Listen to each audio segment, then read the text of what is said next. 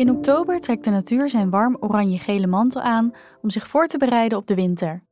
Het sterrenbeeld van oktober is weegschaal en de bijbehorende planeet is Venus, die we verbinden met schoonheid en relaties. Venus staat het grootste deel van oktober in maagd.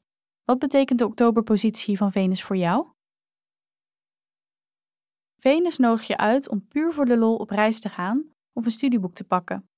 Een kunstreis of een studie kunstgeschiedenis bijvoorbeeld. Maar het mag ook gaan over lekker eten of wijnproeven, muziek of iets anders waar jij enorm van kunt genieten. Zolang het maar iets is waarvan jouw wereld groter wordt en je zintuigen geprikkeld raken. Vaak vindt Steenbok dat een reis of studie nut moet hebben. Dat je er iets moet kunnen doen in je werk of er geld mee moet kunnen verdienen. Maar in oktober kun je dat makkelijk laten gaan. De boog kan niet altijd gespannen zijn.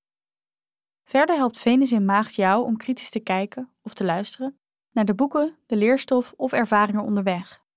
Je onderscheidend vermogen is sterker dan normaal, waardoor je bewust kunt kiezen wat je wilt meenemen op je levenspad en wat je laat liggen.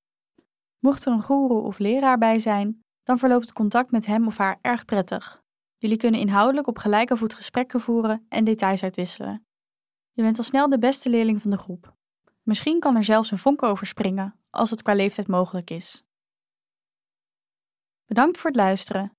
Wil je jouw maandhoroscoop nooit meer missen? Vergeet je dan niet te abonneren op ons kanaal.